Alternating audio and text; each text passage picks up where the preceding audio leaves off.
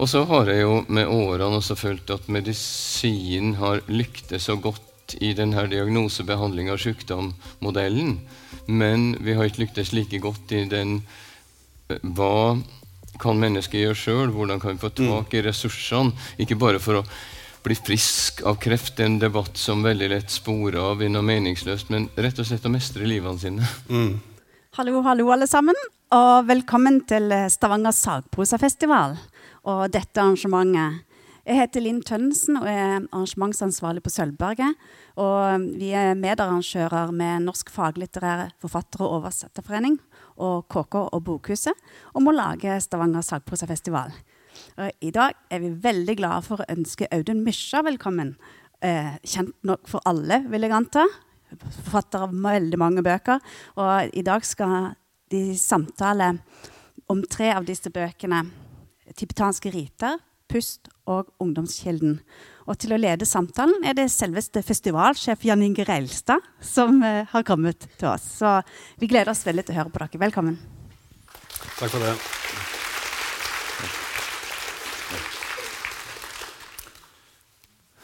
Syns du om salen? Praktfull. Det er nydelig, altså. Ja, det er en nytelse. Det er sånn Cinema Paradiso-følelse hver gang. Og så legger jeg merke til at det, det ser ut som det er noe flere kvinner som er på jakt etter ungdomskilden enn enn menn. Ingen kommentar. Nei. Eh, uansett, velkommen. Eh, eh, det skal handle mest om selvomsorg og selvutvikling her den neste timen. Eller 50 minutter får vi lov å holde på. Og rett og slett hvor lett det kan være å forebygge aldring på et vis.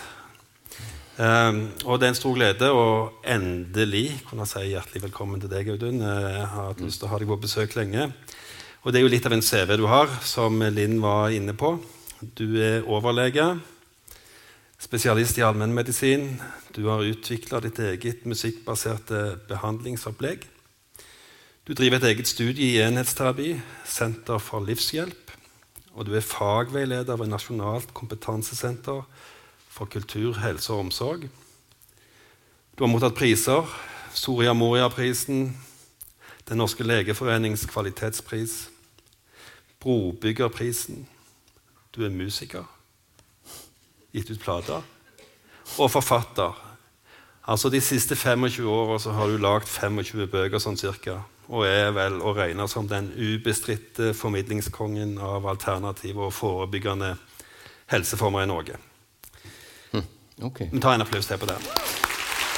Det var Sånn. Det har jeg aldri, aldri hørt før. Det må du ha hørt før. Nei. Altså, Jeg leste min eh, første Mysja-bok for eh, tre år siden. tipper jeg Det var Det var Ungdomskilden. Da hadde jeg stressa rundt i en god del år og tenkte nå må jeg eh, ta til vettet og lese en Mysja-bok. Ehm, før det så hadde jeg alltid bare lest sånn anti-selvhjelpsbøker. egentlig, sant? Sånn, Ja. Sven Brinkmann, 'Stå imot selvutvikling'. Ja, ja. Og Jeg veldig godt den til han eh, Oliver Berkman. Happin um, antidote, 'Happiness for people who can't stand positive thinking'. Den, den likte jeg veldig godt. Ja. Men jeg, når jeg leste din bok, så fant jeg ut at du var jo egentlig veldig beslekta med disse. faktisk. Har du lest det sjøl, eller? ja. Eh, Men her som Linn var inne på, så skal det handle da først og fremst om dine siste bøker. Eh, eh, Vi har jo trukket fram tre bøker i denne tittelen. eh, altså Det tibetanske riter, som er den siste. Pust og Ungdomskilden. Men og Ungdomskilden kom i 2017, tibetanske riter i fjor. Men innimellom der så har du faktisk gitt ut et par til bøker. Eh, når jeg tenker meg om. ja. 'Kunsten å finne ro'. Eh, vi kan jo vise dem. 'Kunsten å finne ro', eh, 2019. Eh, Pust 2018.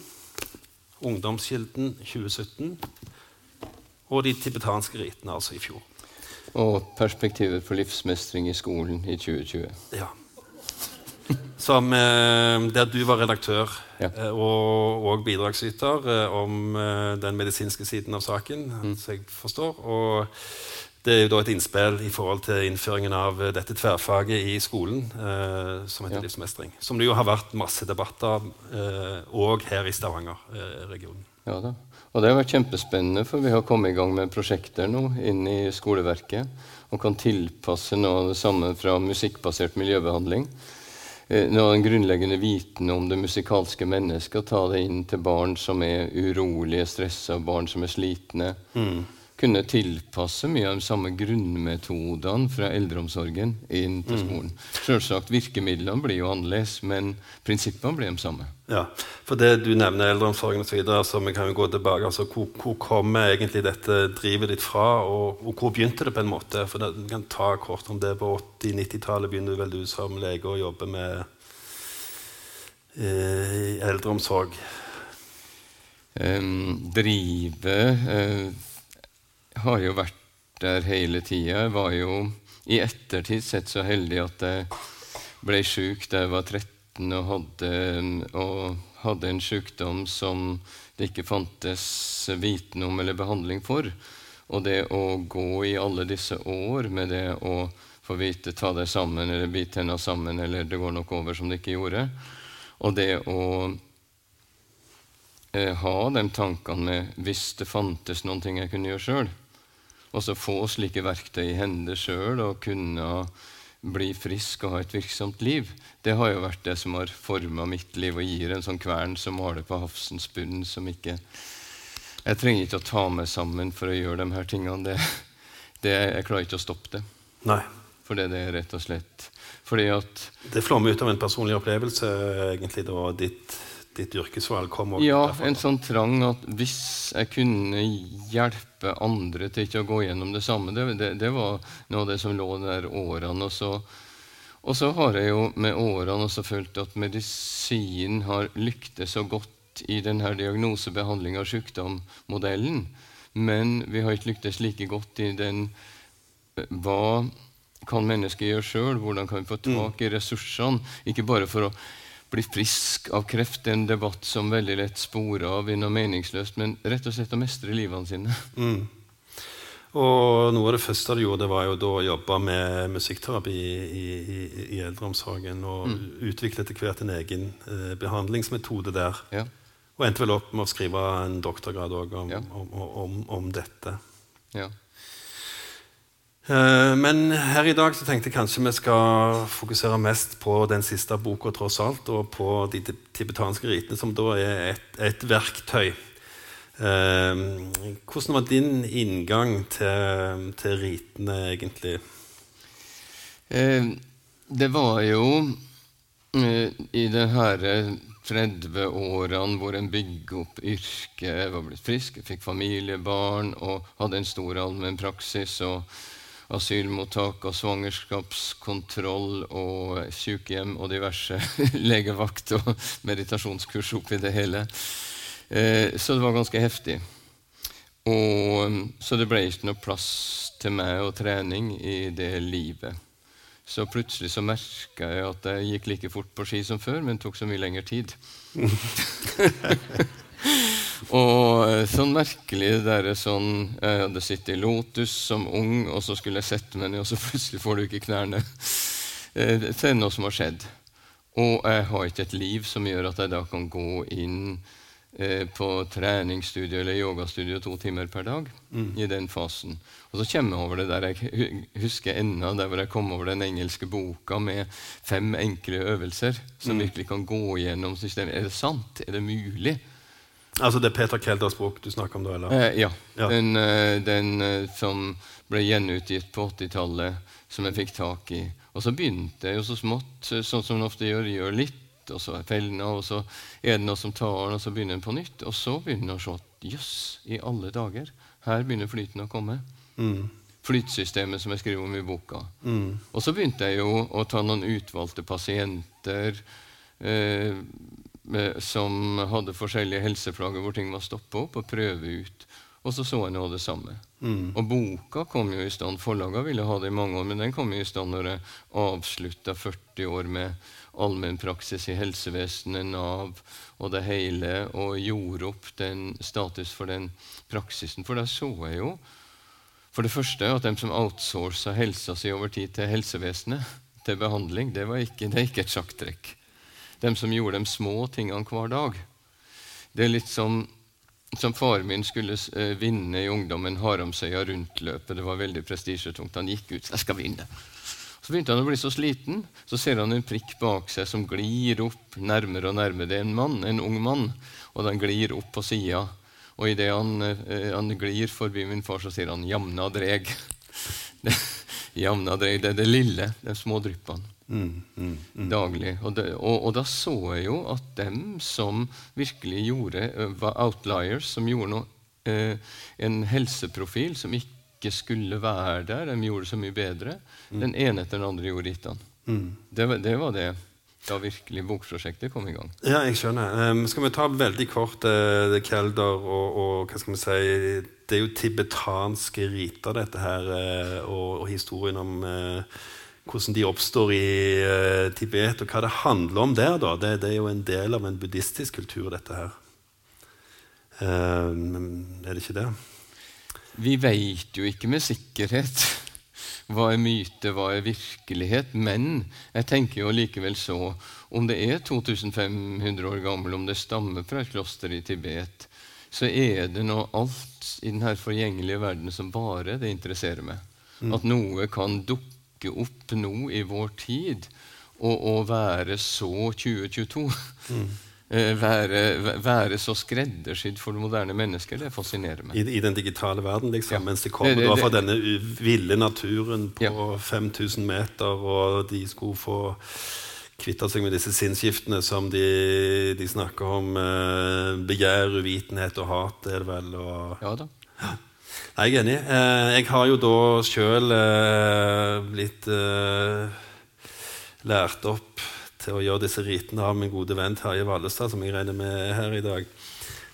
Det var vel på 2000-tallet en gang. Han hadde da holdt på siden slutten av 90-tallet. Så jeg kan jo bekrefte at det er en god, veldig god ting. altså. Jeg har ikke vært helt standhaftig alltid, altså, men jeg merker forskjell. Mm. Bør, bør, vi vise disse, disse ritene til publikum? Jeg hadde jo en altså, drøm eh, Ja, sier de. Jeg hadde jo en drøm om å være sånn litt uh, la Martin Luther King. I have a dream that all the world should do the right. Så dere reiser dere og gjør det. Men kinosalen gjør det jo litt vanskelig, da. Men kanskje dere kan reise dere og gjøre det som er mitt lille rituale før, under og etter hver rite? Skal vi prøve det? Fordi at eh, jeg, jeg, tror at noe av det som eh, gjør noe med oss i dag, er at ritualene blir utvanna, og bordverset forsvinner, og mange av de der ritualene, rammene rundt det vi gjør Jeg er opptatt av at vi tar det tilbake, at ikke vi nå, nå gjør de tibetanske ritene. Men at vi lager en ramme. Tenk, nå skal jeg få lov å gjøre de tibetanske ritene. Åh, Lilla ja, lilla ja. Og så tar vi sånn håndflatene sammen her og puster godt ut. Puster vi inn gjennom nesen. Og så kan du gjerne Du skal være virkelig avansert. Så tar du tungespissen bak tennene, og så eh, innpusten inn.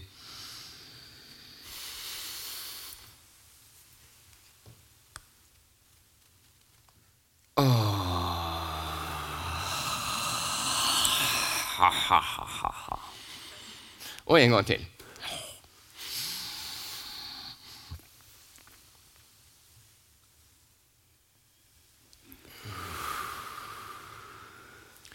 Vet dere hva? Dette øyeblikket kommer jeg til å huske. Stavanger, yeah! Klapp! Var ikke fantastisk? Se der, for en innsats. Det står, det står bra til med framtida til det norske folket. Skal jeg vise, vise rite én, da? Det er, det, det er noe jeg er veldig opptatt av fordi at uh, det jeg ikke visste da jeg begynte med Ritan, er jo hva som virkelig er ungdomskilden. Hvis det er én ting som vi kan snakke om som ungdomskilden, så er det jo mer og mer forskning kommer inn i vanlig medisin også nå. Det er balanse. Balansetrening. Og det er veldig interessant det der med tankegangen med disse virvelstrømmene som den tibetanske tradisjonen snakker om at den første riten da skal du sette inn denne spiralbevegelsen, virvelbevegelsen, og de sier at da kommer alle de her virvelstrømmene i gang. Livets eh, flyt. Jeg skriver om i boka at om du ikke tror på virvelstrømmer, så er, ligger de faktisk der hvor disse funksjonene som har med å, å holde koken gjennom årene, som, eh, som, ligger i tillegg til boka. Men i alle fall den første er jo rett og slett at du starter mm, du starter, Det har vært virkelig avansert sånn stagediving ut. Ramler i fanget ditt. De tar imot. Ja. Det, det kommer du til å huske. Eh, så du står her, du løfter rett og slett. Og husk på én ting. Ritene er for alle. Det er så mye trening som blir for avansert og komplisert for ikke et vanlig folk det heter nå, da. Og, og jeg har eh, forska på trening med parkinson i 20 år. Og ingen av dem vil klare det her nesten umiddelbart, men de kan gjøre litt sånn og litt sånn. Og, og, da er det, som jeg skriver om i boka, det å ha en intensjon, det å sette i gang bevegelsen, det viser at du får ikke 100% av effekten, men du får over 50% av effekten. Veldig viktig å huske. At det, du trenger ikke å være eh, ung, og, ung og sprek. Jeg har jo hatt en, som, en kar nå som fikk en nervesykdom, Guillain-Barré, hvor han plutselig, fra å være frisk, havna i rullestol. Og han har møysommelig ved hjelp av Rita kunne trene seg opp, så nå han gikk på rullator, og så nå begynner han å gå på krykker. Fordi at han, han, klarer å gjøre litt. Han har kunnet gjøre litt med armene. Og gradvis så begynner han å, å trene opp flyt og funksjon. Litt, litt, litt. Så, så at du bare eh, tar da armene opp slik, omtrent I believe I can fly. Litt sånn. eh, og så er det bare du du kjenner eh, litt. Jeg prøver å, å trene meg opp og kjenne også med her skulderbladene. Og de skal jo i, i ritene også være veldig aktive. Jeg forestiller meg en sånn love story med venstre og høyre skulderblad som plutselig møtes. Litt sånn date. Å, oh, vi ligner hverandre, vi, har så mye til felles. Og så blir det sånn mm, Jeg får så lyst til å kysse. Mm. De kommer nærmere og nærmere. Og så skal, 'Vil du gifte deg med meg?' 'Ja.' Og så går de til kirke. Det er sakrum, så klart. Det hellige beinet. Da går de nedover til kirke. Så gjør vi så når til kirke vi går. Det er en sånn huskeregel hvis du skal gjøre den her første. Og så går du rundt, og, og du dreier da. Du bruker aksen på høyre fot. Um, det skal gå mot høyre. Folk spør hvorfor. Um, det var jo faktisk en fysikkprofessor som gjør som sendte en mail og snakka om et prinsipp i naturen hvor ting dreier i ene retninga. Tibetanerne hevder jo at det, det, da går mot høyre, det er jordas magnetiske felt, eller hva det er. I alle fall så hadde jeg en kursdeltaker som sa at nei, høyre det er gammeldags, jeg går mot venstre. Og hun ble psykotisk, og etter det så ikke etter det så ikke jeg våga å, å eksperimentere for mye med det. Jeg ville ikke ha ansvar for sånt. Så, så, vi går rundt, og, og du, du, bruker da venstre beinet til, til, å trippe rundt. Og jeg snakker også i boka om tre forskjellige for alle de fem eller sju ritene som jeg har i boka. Eh, for den her eh, langsomme og medium og raske bevegelsen. Den langsomme er jo veldig fin for å få eh, bevissthet, kroppsbevissthet og bli klar over muskulatur. Og det er snakk om fasciesystem eller bindevevet gjennom kroppen, som er jo min hypotese i boka, at det er mye av virkninga. Eh, hvis en ser på moderne medisin, at du får flyten gjennom fasciesystemet som et avansert informasjonssystem. Og Da blir du veldig klar over den langsomme. Også på en vanlig hverdag så går du litt rundt, litt trippe. Du har, du har høyre hæl som dreier rundt, og du tripper rundt med foten, så du begynner å gå rundt mer sånn. Og hvis du skal speede opp litt og få den her, her litt raskere, så, så kjører du den her mer.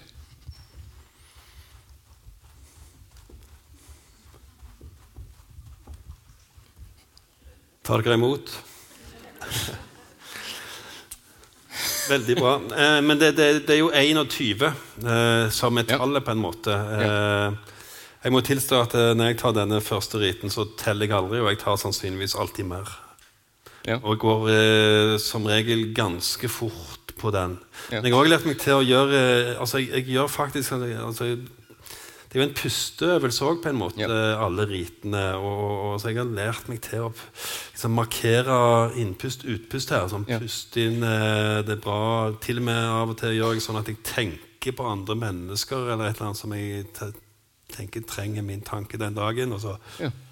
puster jeg de inn på sånn velvære, og så puster jeg ut noe skitt og lort og greier. Sånn. Eh, så det er vel flere måter å gjøre det på, som du sier, både i forhold til hastighet videre. Jeg gjør det jo alltid om morgenen. Eh, Hva, hva Ja. gjør du? Jeg, prøver jo å gjøre det om morgenen. Ja.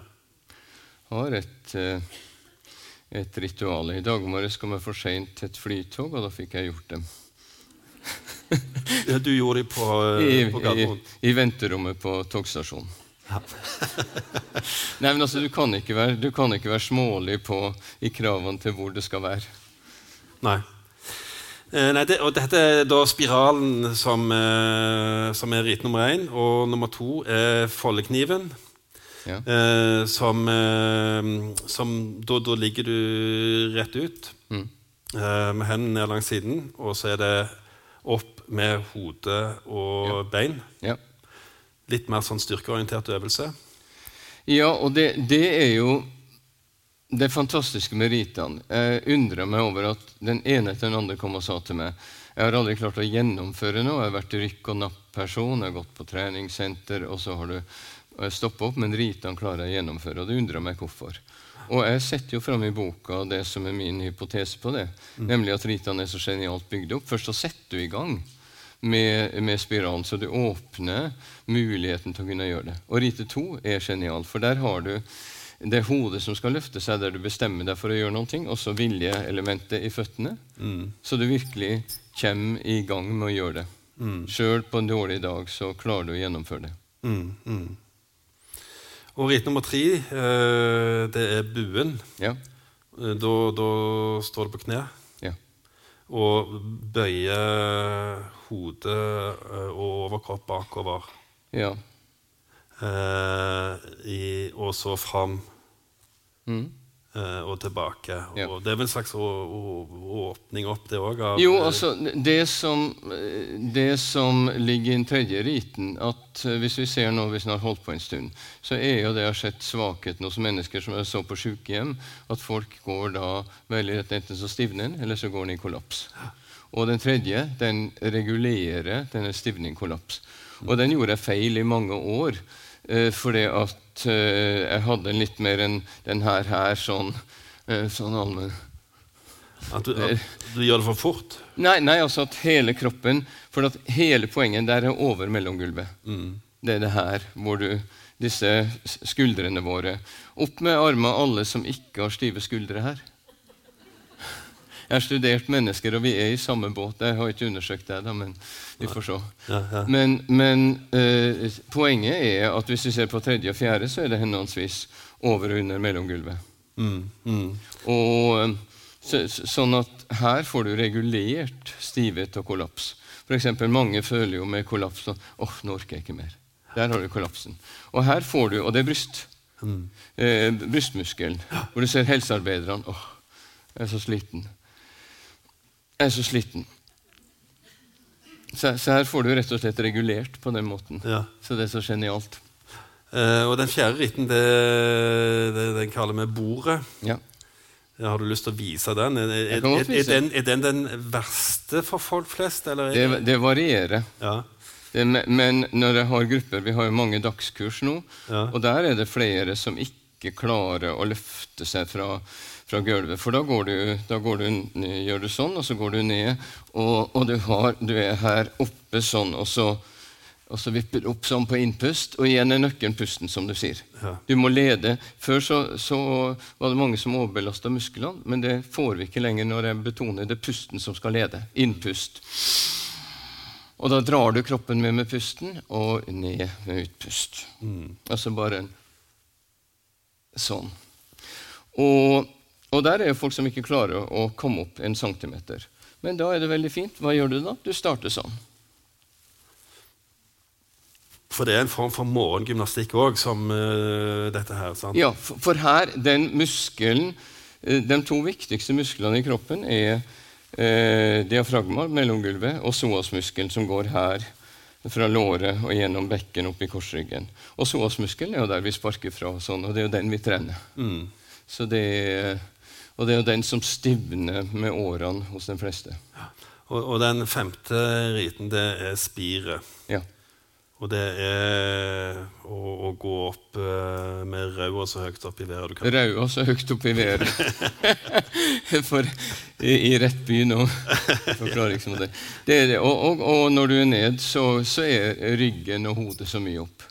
Og det er jo litt det der løfte menneskets muligheter. Ja. Mm. Så det er en djup symbolikk i de ritene. Altså, vi, altså vi, jeg tok aldri mer enn de fem ritene eh, før jeg leste boka di. Ja.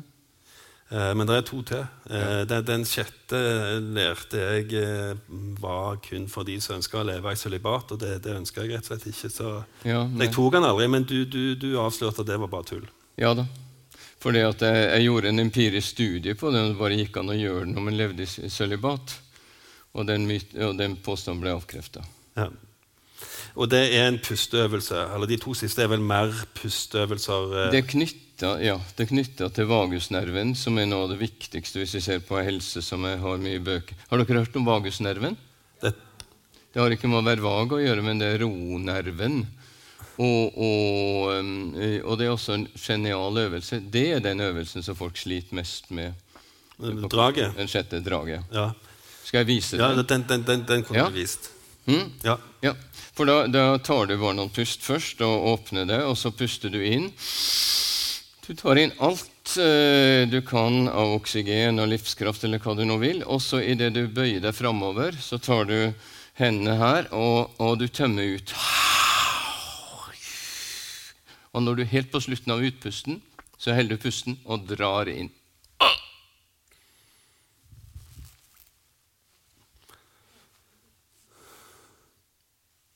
Hold det så lenge du klarer.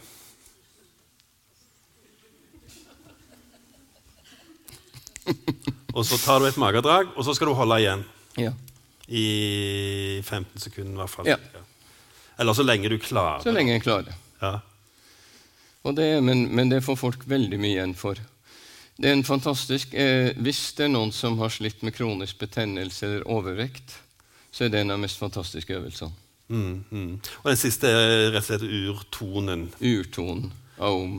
Bare den tona, rett og slett. tone. Gjennom kroppen og Ja, For den der var jo ikke den opprinnelige boka, men den var med et tillegg som var tapt. mm. Men så var det en antikvar som eh, sjenerøst gjorde tillegget tilgjengelig.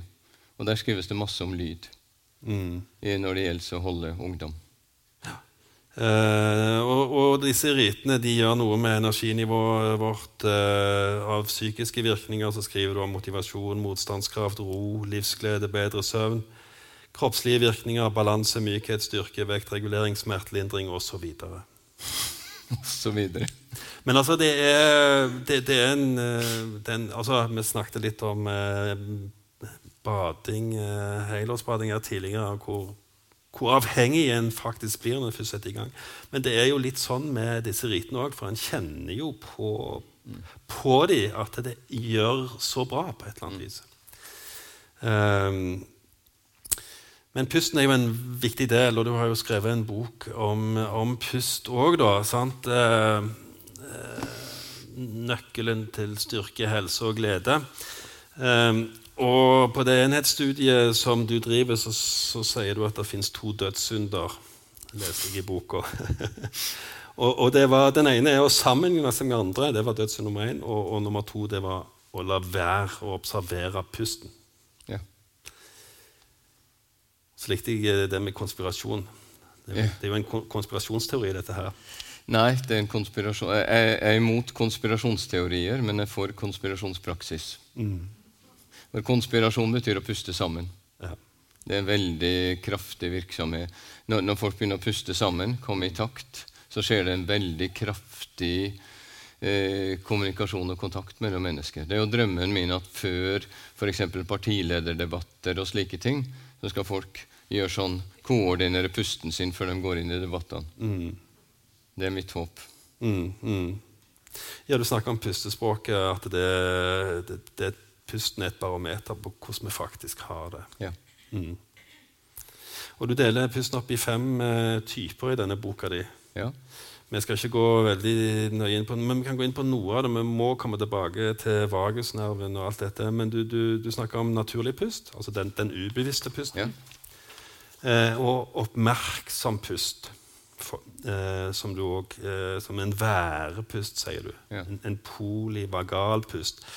Og der, eh, der, der siterer du et indisk ordtak. Den som styrer vagus, styrer livet. Ja. Det sier de gamle inderne. De hadde ikke eh, anatomisk disseksjon, men de kjente vagusnerven. Men vagusnerven, eh, bare, bare forklar eh, til Vet alle hvor vagusnerven går, og hva den gjør? Nå er det eksamen. Nei, altså, vagusnerven eh, er jo eh, da det som regulerer alt i kroppen. Det er jo, eh, det, er jo det jeg har lært som lege, at eh, det grunnsystemet i kroppen Har dere hørt om det autonome nervesystemet? På avsystemet?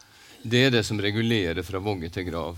Da jeg ble virkelig oppmerksom på det, var da jeg var overlege på Hospice Lovisenberg, jobba med døende kreftpasienter, og jeg så at hvis den alarmen var på i hjernestammen, så kunne vi pøse på 1000-2500 milligram morfin. Ingen her i salen ville overlevd det, men det bare skvetta som vann på gåsa. Folk lå der med voldsomme smerter. Og så kunne vi få eh, kontakt, folk ble trygge, folk fikk tillit, sa et riktig ord, og plutselig bah, lande. Har dere opplevd det? Være litt sånn, og så lande. Folk landa, og da kunne jeg se i flere tilfeller at vi kunne da ta 50-75 mg morfin og få bedre effekt eh, når det her alarmen var av. Så da begynte jeg å skjønne hvor viktig det her var. Og, og utforska det her. Og, og da var jeg akkurat i samme tid hvor den polyvagalteorien og alle nye Ja, Som starter helt oppe i hjernestammen og så Ja, ja. går eh, ned langs Ja. alle de vitale organene, altså lunger og hjerte og Alt. Eh, Det er vagusnerven som styrer pulsen vår. F.eks. Eh, hvis, eh, hvis ikke vagus bremser hjertefrekvensen, så vil vår naturlige hjertefrekvens være rundt 100. Pulsen. Så hvis du har hvilepuls og går ned, så er det fordi vagus går inn. Og vagus gjør at spenninga blir mindre i, i muskulaturen. Det gjør at blodtrykket faller. Så det er, eh, det er en helseeleksir rett og slett fordi at vi bruker ikke opp kroppens ressurser. Altså Når vi skal springe og yte topp, så må sympatikus være litt på.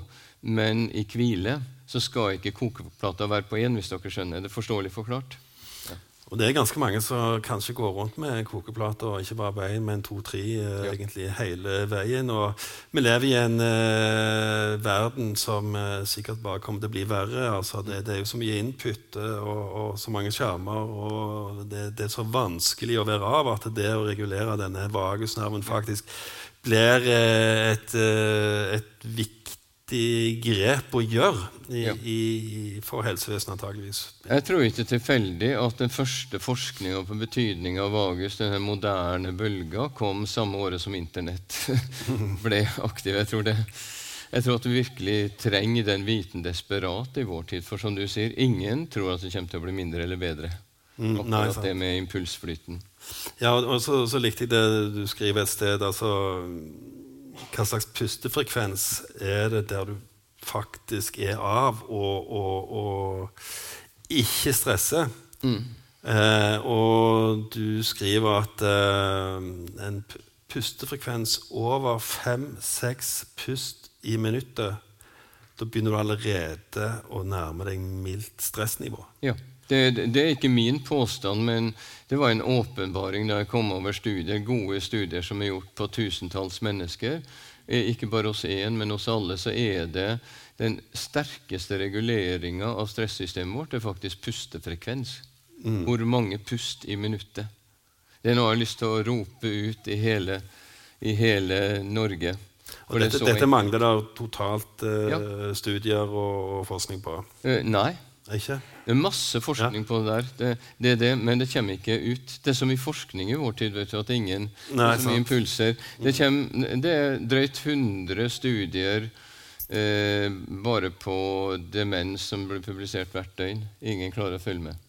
Så det er faktisk masse studier som viser at hvis du begynner å puste, litt sånn som jeg forklarer i denne her, eh, boka 'Pust og kunsten å finne ro', hvor jeg går inn i det her i detalj, så vil du kunne begynne å mestre stressystemet ditt. Uten å puste riktig en gang, men bare ved pustefrekvens. Altså gå ned fra den vanlige frekvensen. For det at jeg har undersøkt nå, fått en del maskiner det siste året som har vært veldig spennende. og Da ser jeg at friske folk, unge, gamle, de puster ca. 15-16 pust i minuttet. Mm. Våken eller søvn. Men får du den ned på 5-6, så begynner du å styre stressystemet. Jeg har, jeg har, lest at du faktisk har gjort dette med, med, med folk i sal.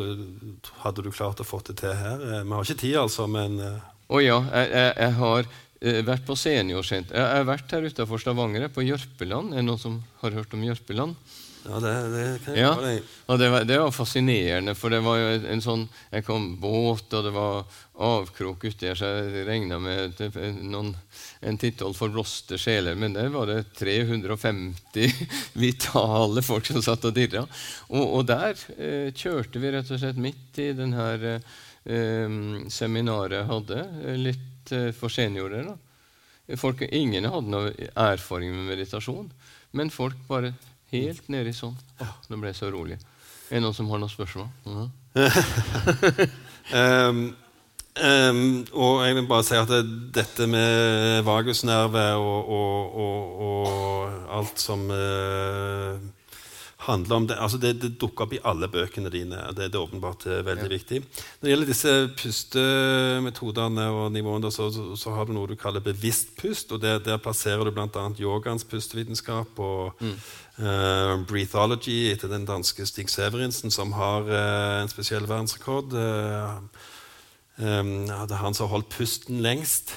Ja, han er nå slått nå, da. Er han det, ja? ja. Okay, det, det, det han holdt i 22 minutter, han er slått. Men vær så snill, ikke prøv det, for det har vært dødsfall av enkelte som har prøvd å slå den rekorden. Men det, det er jo faktisk sånn at du skriver i din bok at de aller fleste mennesker likevel vil med litt trening kunne klare å holde pusten i syv minutter. Eh, syv er jo å ta ganske mye, mye eh, i, men, eh, men eh, det som er det fysiologiske breaking point, er, er nede på to minutter. Okay. Da har du den der hvor du går over til å begynne å kunne styre det fysiologiske systemet. Mm. Så i trygghetens navn kan du si at uh, det, det, er et mål å komme opp i tre minutter, kan du si. Ja. Men pustehold er jo viktig, da. Eh, og, og eh, Wim Hof-metodene Hof er vel kanskje de som flest i salen kjenner til fra før. vil Jeg tro, og jeg kjenner folk som eh, sjøl eh, praktiserer det. Jeg har sjøl prøvd eh, mm. den, særlig den som man har lagt ut på internett, og som du òg beskriver i de bokene. Ja, ja. Um, og Det kaller du for en terapeutisk pust, eller en veldig mye mer målretta pust. Ja. Uh, hva er det med pustehold? Hva er det pustehold gjør? Det som skjer da, er jo at hvis du puster kraftig, så gir du mye oksygen inn i systemet. Hvis du da holder pusten eh, Dere har hørt om karbondioksid. Karbondioksid er en gass som eh, da bygger seg opp i kroppen. Vi puster ikke for å få oksygen, vi puster for å kvitte oss med karbondioksid. For det gir et ubehag. Hvis du holder pusten, så vil du merke det. Men hva er vitsen da med å holde pusten og la karbondioksidet bygge seg opp? Nå kommer det store gjennombruddet for meg det, i så måte det var når jeg skjønte at når du puster kraftig, hyperventilerer, så eh, lukker blodkarene seg, så du får mindre blodtilførsel. Eh, oksygenet gjør, hvis du får mye av det, at blodkarene trekker seg sammen. Alle er med.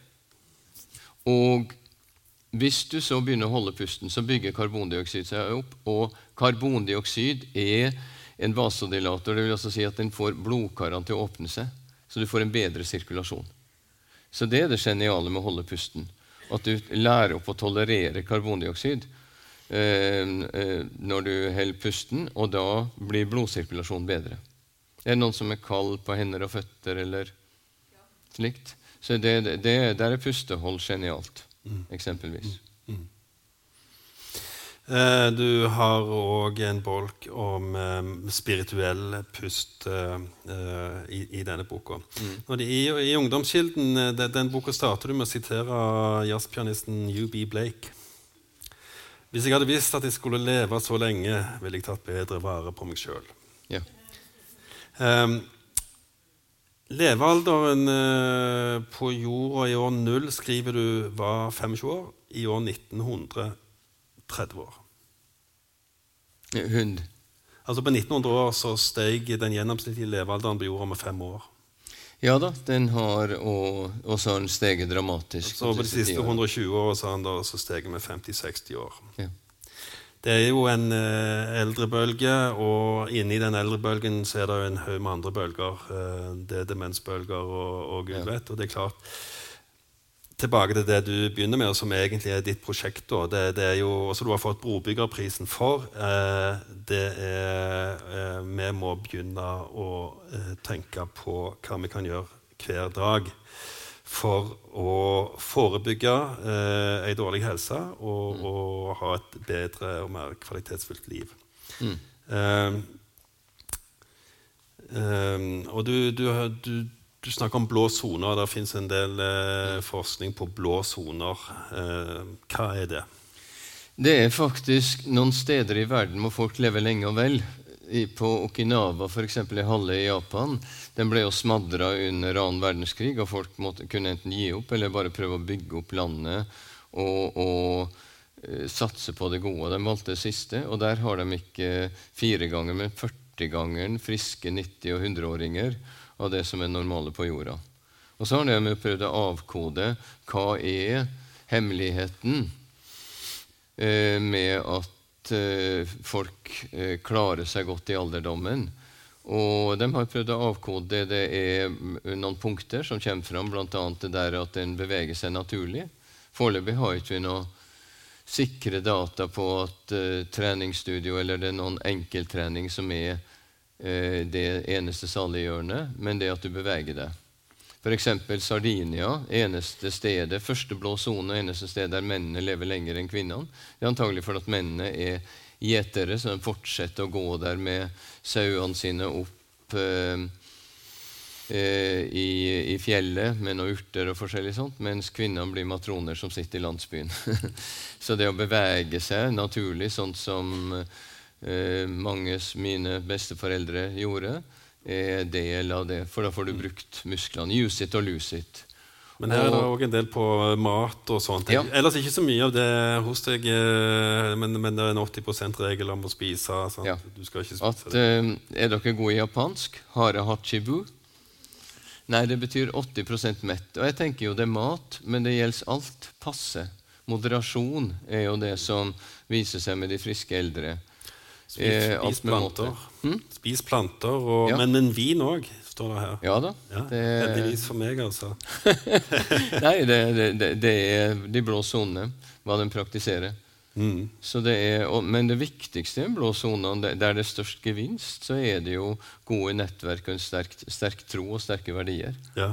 De snakker om 7-14 ekstra leveår, der folk har ikke én spesifikk tro som er bedre enn andre, men der folk har et verdisett. Og jeg tenker jo at det er utrolig viktig ettersom årene går, for, for forfall vil jo ramme oss, sykdom vil ramme oss før eller siden. Men hvis en da har noe å henge eh, noe en tror på som er større enn bare ens eget ego, da er det noe som en kan leve lenge og vel med. Mm. Ehm, du nevner jo tolv ungdomskilder. egentlig. Den første er jo egentlig det å, å være nysgjerrig. altså. Ja. Og, og, og at nysgjerrighet eh, kanskje er det nærmeste vi kommer ungdomskilden, skriver du til og med. Jo, fordi at mange hevder jo at hjernen vår kanskje er skapt til 70 års levetid. Og nå lever vi jo, dere som er i salen her. Det, det, jo, det blir verre og verre, vet du, for folk blir bevisst kosthold og tenkning og meditasjon og noe isbading. Så det blir bare verre og verre. Men, men seriøst så er, så er dere del av løsninga. Eh, der vi nå har flytta og bygd opp et senter, Østre Toten kommune eh, ved Mjøsas bredd, så eh, var det et stort sykehjem som ble bygga etter mange års prosess, som var ferdig i 2018. Og nå, tre år etterpå, så er det underdimensjonert. Det skulle ha kapasitet for de kommende tiårene. For at det er for få folk som gjør noe for å stoppe. Så vær nysgjerrig. Det er jo den nullstillinga som gjør at hjernen fornyer seg. Mm. Som vi ellers bare gjør i dyp søvn. Mm. Så, uh, så hvis det vi har her i dag, vekker noe, vekker noe som helst nysgjerrighet hos noen av dere, hvis det gjør det, så er dere virkelig bra i gang. For da blir hjernen ullstilla, den blir fornya. Um, Tida går. Altså, du, du, nevner helt til slutt ti ting du generelt bør gjøre hver dag. Det er lære noe nytt, puste skikkelig. Nummer tre er veldig fin. Stå på ett bein. Opp med pulsen i 20 sekunder ganger tre. Det, det, det, er sånn som vi praktiserer sant? før vi skal bade. Så tar vi, kaller den bare englene. Ikke sant? Faen, det er sikkert min telefon. og, og den ellevte var der 'pass på ringetonen'. På. Ja, ja, ja, ja.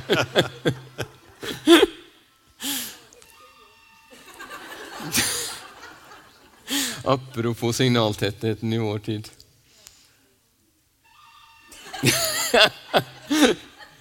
Bare ta en pause. Det var en fantastisk avslutning på denne sesjonen. Eh, Lone, har lyst til å gå bort der og så ta og slå av den telefonen for meg? Da, da. Ja, han, Vi kan ta det som allsang, eh, alle sammen. Da, da, da, da, da, da, da, da. Kom an, alle sammen. Da, da, da, da, da, da, da, da, da. Praktfullt. I love you. Ennio Morricone, du er jo en veldig musikkglad mann. Og jeg må bare si det at eh, i denne boka her, som vi ikke får tid til å komme så mye inn på, så er det veldig mange gode forslag til musikken bør lytte til for å finne ro i livet. Men det er bare ta bli ferdig med denne altså Du skal tøye hele kroppen, du skal smile. selvfølgelig. Smil til verden og smil tilbake. Godta livet som det er. Amor fati, mm. som Nietzsche sa. Vær takknemlig, søk stillhet gi noe til andre. Og de tre siste er jo litt mer sånn åndelige ja. eh, greier og handler jo litt om For dette, det er jo det som er greia, at du har på en måte du, du, du, du, kommer fra den vestlige medisinen og fra den tradisjonen og er blitt lært opp der, men så har du tatt innover en østlig eh, medisin, en måte å tenke om eh, mennesker på, som jo først og fremst er en forebyggende ja. eh, og, og, erfaringsbasert eh, vitenskap. Mm. Eh, og eh, sånn sett så, kan, så forestiller jeg meg at du, du er en slags du, du, er en slags misjonær, egentlig, for noe som jeg tror kommer til å komme uansett eh, ja. eh, i, i, Norge òg, eh, og, og, som gjør det du holder på med, til noe mye mer politisk enn noen av disse anmelderne som anmelder ja. bøkene dine, ja. forstår. Eh, de ser bare en selvhjelpsbok eh, i en tradisjon av selvhjelpsbøker, eh, mens egentlig så holder du på med ganske store ting, virker det som på meg. altså. Eh, ja, og det, det, er nok eh, Det har også vært en bevegelse. Jeg har vært veldig eh, knytta til legeyrket mitt. Men eh, eh, det, det, er jo én til én, og det holder jeg på med fortsatt. Det kommer jeg alltid til å holde på med. Men det blir viktigere for, viktigere, og viktigere for meg det er samfunnsoppdraget. Hvordan vi kan få spredt gode verdier. Mm. Bare isbading, f.eks. Alt som gjør at folk kan finne nye fora for fellesskap, og der vi kan finne måter å løfte oss sjøl og hverandre på. For livet kommer til å kreve mye. Det kommer til å være, eh, være mange muligheter og mange utfordringer i samfunnet som, kommer, eh, som ligger foran oss. Og, og, det å få til den her, å gå inn og, og få til gode bølger i samfunnet Så er jeg ikke Men det kommer på en måte altså med den eldrebølgen og og, og hva skal man si, kravet til helse og til helsemyndighetene eh, så kommer det jo òg en, en, en, kostnadseksplosjon på en eller annen ja. måte. Det blir jo så forbanna dyrt. Så hvis alle venter til de er blitt syke og skal ha dyre medisiner og dyr behandling ja, det her engasjerer meg, men jeg klarer ikke å, å holde meg sittende. fordi i, i, min levetid så har jo, og min tid som lege Jeg fikk jo være med på 80-tallet, den fantastiske eh, eksplosjonen i hjertemedisin, der vi mista folk tidligere kunne redde med nye medisiner. Og vi har fått mye bedre undersøkelsesmetoder, men bedringa blir sånn, og kostnadene går sånn. Og det blir mer og mer slagsmål om ressurser. og Forebygginga taper. Vi ser eldreomsorg tape, psykiatri tape. Mm. Og, og, vi må komme tidlig til, og vi må få spredd gode helseverktøy. Og det må ikke bare være sånn for de som allerede er supertrent, eller dem som eh, har alle, eh, tilgang til alle typer ressurser. En må nå sårbare grupper. Det er jo derfor det har vært så viktig for meg å kunne gå inn på sykehjem, gå til psykisk utviklingshemmede og finne verktøy som også kan være med å løfte dem. For vi, vi, har nå i samfunnet vårt vi har gjort et valg. Det er ikke en selvfølge at alle mennesker har verdi, og til og med lik verdi. At vi er i det her sammen. Og da, da er det en konsekvens av det. Mm. Og da kan ikke selvutvikling bare være meg og mitt. Mm. Da, da, må det være det at vi, at vi, må finne gode ting som sprer seg. Jeg har sett i sykehjemsforskninga mi at uh, små uh, holdningsendringer hos en person til det negative eller det gode, det har store konsekvenser. Mm. Så tro aldri at du er maktesløst, eller at ingen at eldre ikke kan gjøre noe, eller hva noe folk tenker på. Vi, vi er mektigere enn vi tror, alle sammen. Mm. Eh, vi må jo òg spørre når først det her og det går mot slutten, altså fins chakraene?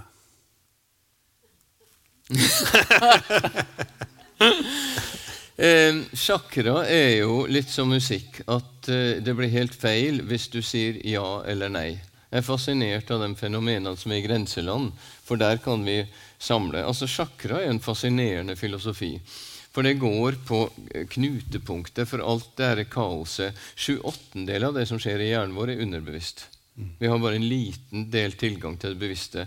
Chakrafilosofien har først og fremst vært en praksis som har kunnet hjelpe folk med. Folk som har levd i et kaos. De har kunnet samle kaos, bringe orden i det mm. via sjakrasystemet. Mm. Så det er vel kortversjonen. Vagusnerven fins jo uansett. Den gjør. Den og det, det, den er ca. der som disse skal ligge. Ja. Mm. Det gjør vi. Eh, vi er kommet til slutten, tror jeg, her. Eh, og, og, jeg tenkte kanskje jeg skulle få lov til å avslutte med et sitat fra riteboka di. Eh, den går til publikum. Har du en drøm om å gjøre en forskjell, om virkelig å få gjort det som ligger inni deg, vil han definitivt råde deg til å starte med ritene i dag. Takk for at du kom, Audun. Tusen takk.